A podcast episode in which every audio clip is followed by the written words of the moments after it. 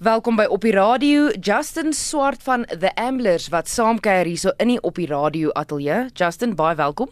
Thank you so much for having me. It's such an an honor and a privilege to be here. Justin, vertel ons vinnig kortliks van jou musiekagtergrond. Jy is nou wel um deel van die duo The Amblers, maar waar kom watse ander groepe het jy ingespeel waar die musiek vir jou begin? The majority of the other stuff I've done musically has been more solo stuff. Yeah, so it's always been like a folk blues, uh, you know, fusion type of thing. I mean, at the end of the day, that's the kind of music I I grew up listening to, and that was what just translated for me musically. But uh, yeah, I've played with a lot of different musicians, but nothing solid like that. I think the Amblers has been the first, the first real, um, you know, coming together that has actually just stuck and made and made sense. I think you know when you're a lot younger, it's all about being popular and about being famous. And I think that as you get older, that changes a little bit and you start to make music for different reasons. Mm. Well, at least that was the case for me. And I think that when that became a little bit more authentic, things started to flow a little bit more better. So, I mean, I would certainly say that, you know, my younger years and, you know, the, the initial starting of my career wasn't very easy. It was more like bashing a stone with a rock to try and get out there. So I jumped around from band to band, tried to do, do, a lot of stuff on my own, met a lot of amazing people and, and a lot of m- amazing musicians. That's how Jason and I met. Uh, he's on the road at that stage. Jason uh, was playing with the Black Cat Bones, uh, and we were on, on a couple of bills with the Bones and, and things like that. And that's just kind of how that relationship began. But in a nutshell, yeah, it was a tumultuous time. It, it's difficult being in the music industry and young in South Africa. Mm. En ook die genre wat jy nou gekies het, die blues rock klank. Dis ook waarby julle beide al betrokke was vir baie sure. lank. So hoe jy jy sê julle het baie saam met die Black Eyed Bones getoer. Dit was toe hy nog deel was van die Black Eyed Bones. Natuurlik het hy 'n hele klomp ander groepe ook gehad vir wie hy gespeel het. Ja. Maar toe die besluit toe nou om nie meer 'n solo musikant te wees of jy solo projekte te hê nie, maar toe om nou the Amblers te begin. Vertel ons van daai gesprek tussen die twee van julle. Well, I I think that I don't know if I would call it a conversation. I think it, it it just kind of fell into place. I mean, Jason and I didn't spend too much time discussing whether we were going to do this. I mean, there was an opportunity that arose for us to to kind of get together and put some loose ideas together. And, you know, we didn't have any real intentions at that time. So our first album was The Dustling Man, and we released it in 2017, and we recorded that album in the SABC. So we were down deep in the bowels, in the, in the heart of this building. And yeah, we didn't have any intentions. We didn't know what was going to happen. And, and, you know, we, we put it together and, you know, being a duo, we were really able to, you know, our approach was really simple eh, you know, we didn't want to have lots of production. We didn't want to do anything that we couldn't easily reproduce live, just the two of us. And so the whole approach, even to the recording, was really, really simplistic. And I think that there's something that, that just connected us, and we enjoyed that. There wasn't too much fluff, there wasn't too much ribbon or anything. It was just two guys making music, seeing what worked and it built a lot of traction. People really enjoyed enjoyed that album, and so we just kept doing it. And we've done another album now, and you know it's looking good. So there there wasn't anything deep to it. It was just you know two guys getting together making music, and it it, it ended up what it was. Mm. So, um met die twee van julle wat nou bymekaar gekom het, hele paar albums wat nou al um gemaak is met die twee van julle. Doen jy al die skryfwerk? I do a lot of the writing, yes. Um, obviously, Jason is an exceptional drummer and he, he's an exceptional mu- musician. He's very, very musically talented, not just with regards to the drums. Um, so, you know, Jason does have a lot of input. And when it comes to the music and, for example, how the music is registered, we, we are both registered together. So, if, if the Amblers, all of the registrations and all of our copyrights, they don't belong to me, they belong to Jason as much as what they belong to me. Although I do a lot of the lyrical stuff. If Jason doesn't agree with something or he thinks it'll be better, I mean, obviously he knows that, he, you know, he will step in. He doesn't allow things like that to just mm. fall by the wayside. But I do a lot of the lyrical writing, yes. Dink jy omdat jy nou ouer, wyser is en al deur die die die lewe gegaan het en verskillende uitdagings gehad het in jou persoonlike lewe en as 'n musikant laat jy makliker ontvang word deur die publiek en deur um aanhangers omdat jy al reeds bekende name is in die bedryf? I definitely think so. I think I think it makes a massive difference what your motivation, what your intentions are. I also think that when you're young, you have a lot of insecurities that kind of they steer the way you do things. They steer the way that you approach things and people aren't stupid. It, you know, audiences aren't stupid. It's either authentic or it's not. And when your reason and your motivation for making music, making an album, being a good musician is all stemmed in your own insecurities. I mean, I think everyone goes through that, but I do definitely think and have experienced that it makes a huge difference when, as you've gotten older, you can put those things down and you are, can become more comfortable with yourself and, you know, something a little bit more real, something people can grab onto a little bit more easily is definitely re- the result of that. Absolutely. So that's been my experience. Mm.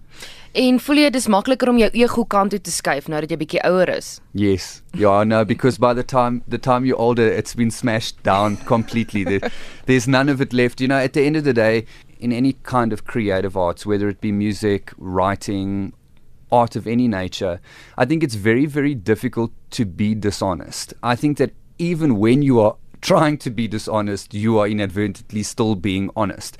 And I think that, you know, that's the reality. It's hard to lie. So as you get older and you grow and you, you make your mistakes, you learn from them, you push. You've got to make the choice to allow those things to become evident in who you are and especially who you are as an artist. That vulnerability is exceptionally valuable. I'm quite sure that a lot of people don't think it's important. Some people get a, a very different road. Some people just make it easier. We we just haven't. If you know what I mean, we've had to work really really hard not to be good musicians, but to be authentic musicians and to have what we're trying to say and the reason we're trying to say it be something that is motivated from something that's within us and it's not meant to change someone else's mind or tell someone else what to be. It's just us putting ourselves out there. Voel jy dis meer belangrik om eerlik te wees omdat jy nie 'n kommersiële mark het nie en omdat jy musiek nie kommersieel is nie? Yes. And that's also a pro of it, if if you if you know what I mean. It's like you know, commercial music is commercial co- commercial music. It's so viable. It's exceptionally popular, but I think that in a lot of other ways, it can also sometimes be quite simple and superficial. And I'm not criticizing popular music. I just don't respond that well to it. So, you know, everyone has what they like, everyone enjoys different things. Uh, but I do think for me as an individual and as someone who enjoys consuming music, I do want to consume those things that are talking about stuff that's difficult to talk about in a way that is intellectually stimulating and isn't that obvious if, if you know what i mean. Like you've really got to think about it poetic. absolutely you know? But yes i mean i do think that having that kind of honesty in a non-mainstream musical genre is important and valuable Wanneer mens na kunswerke kyk, um internasionaal bekende historiese kunswerke, jy weet wat die kunstenaar sê, maar jy kan ook jou eie interpretasie hê. Sure. En dis tog wat jy doen met jou musiek. Ek weet ook jy hou nie daarvan om vir mense eintlik te veel agtergrond te gee oor die lied wat jy geskryf het nie. Hoekom? Well, I think from for me personally is I want people to try and and connect that what they're listening to to their own lives. You know, I'm not there trying to tell them about my life. That piece of music is an expression of where Jason and I are in that moment in our lives. And we approach even the recordings like that. Like, um, I know it's not related to your question, but it does feed into the answer. Um, you know, even our recordings, they are all single takes. Nothing is comped. So it and I'd like to explain that it doesn't mean that we're sitting there immediately in one in one space and we're doing a take together. It's not a live recording, but nothing is composite. So no takes are cut up to get the best the best pieces of a hundred different takes and put them together into one. Every single take is one seamless thing, and then we take the best whole takes and we put them together. And why we even chose to do that was we wanted what was there and what people were listening to to, to, to be a complete moment in our lives, not a composite of lots of different moments making something that's this perfect product. Um, it's the same thing as a Persian carpet. You know, it, it's like there are errors in it, and those are the things that make it beautiful. It that's what makes it authentic and real. Is that the is the fact that it isn't perfect. I can't even remember the initial question. I'm sorry. Dis okay. Ek gaan nie die antwoord Ja, wat ook al die vraag was, maak nie saak sorry.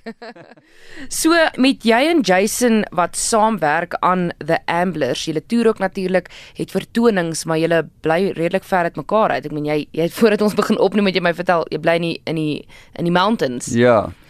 Yeah, look, it, it, it is something that we've had to figure out. Um, that hasn't been the hardest part. I think the hardest part of what we've needed to figure out is the fact that Jason is Bok van Blerk's drummer and Bok, Bok, Bok is seriously busy man.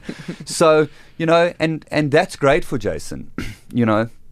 So that's been the greatest challenge. I mean, as a musician and, and having been traveling for so many years, I mean, traveling between where I live and Pretoria, I mean, it's it's such a fast driver. I don't see it like that. So mm. that hasn't been really challenging. And at the end of the day, you work around the challenges that you face and you have to make them work. Mm.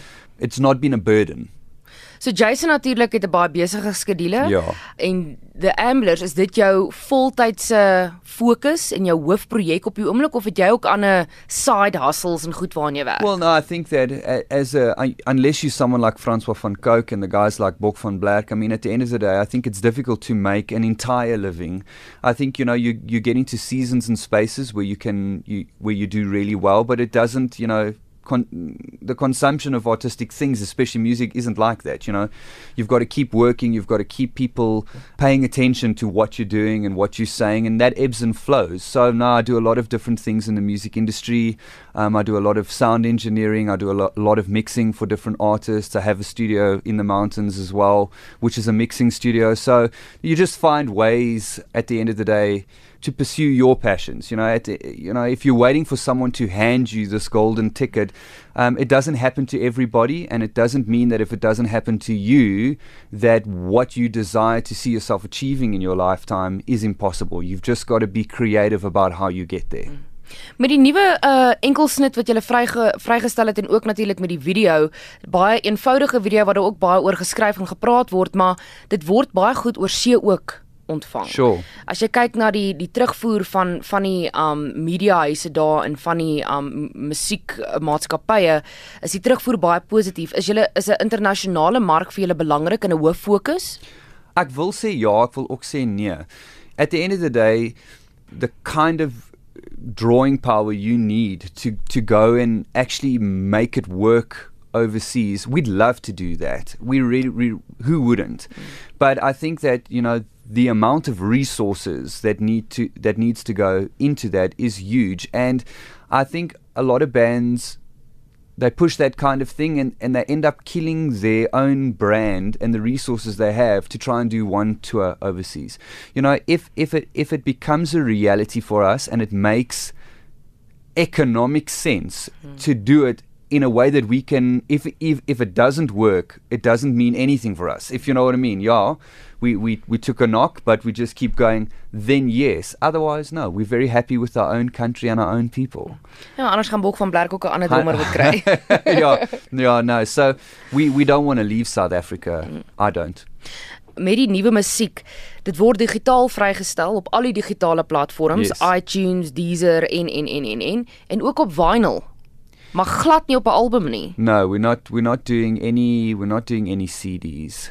You know, at the end of the day, the way people consume music has changed so much, um, and even vinyl is difficult. I mean, vinyl sales have increased so much over the last year and the last few years, but because we have our own record label as well, and it's an indie record label that belongs to us, so we we do everything. I mean, at the end of the day, the age of having these big labels just push you. It's it happens, but it, it happens far less than what it used to. So you've really got to be, you've got to be that whole package for yourself. I mean, obviously we've got a team of people around us as, as well because we don't have all of the expertise in house. So you you can't do it all by yourself. You do need the experience of other people. But I mean, even if you look at vinyl, even though vinyl sales are increasing and a lot of bands and a lot of musicians are saying we need to push vinyl, it is increasing, but it's not increasing for independent bands. It, it increases, I mean, I think the biggest biggest the biggest album sales on vinyl in 2017 was the Beatles. Um, and it's older, you know, the big vinyl sales are, are the guys from the 70s and the guys from, you know, the late 60s.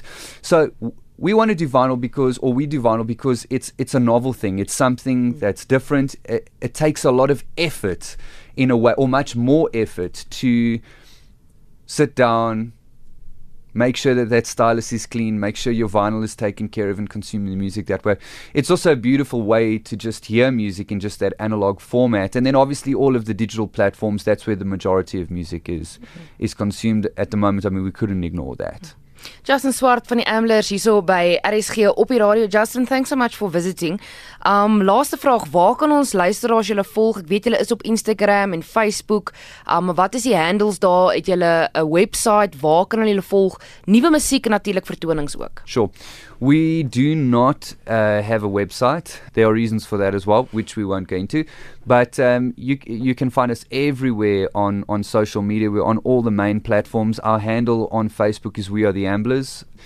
On Instagram, it's the dot underscore dot amblers, uh, if I'm remembering cor- correctly. And I think those are the two big uh, the big platforms. We are on Twitter, but we don't we don't tweet that much. And then, yeah, we've got a couple of shows in the pipeline. We're just waiting for our management, uh, you know, just to give us the go ahead to release, uh, you know, certain dates and things like that. Jason and I are back in studio in the beginning of September, so you know we've we've we've got some new work coming out, and we're busy working on new music, and that's really what we do. So we are looking forward to over the next weeks and months just bringing people back into what we're doing in the next phase and the next season of our music.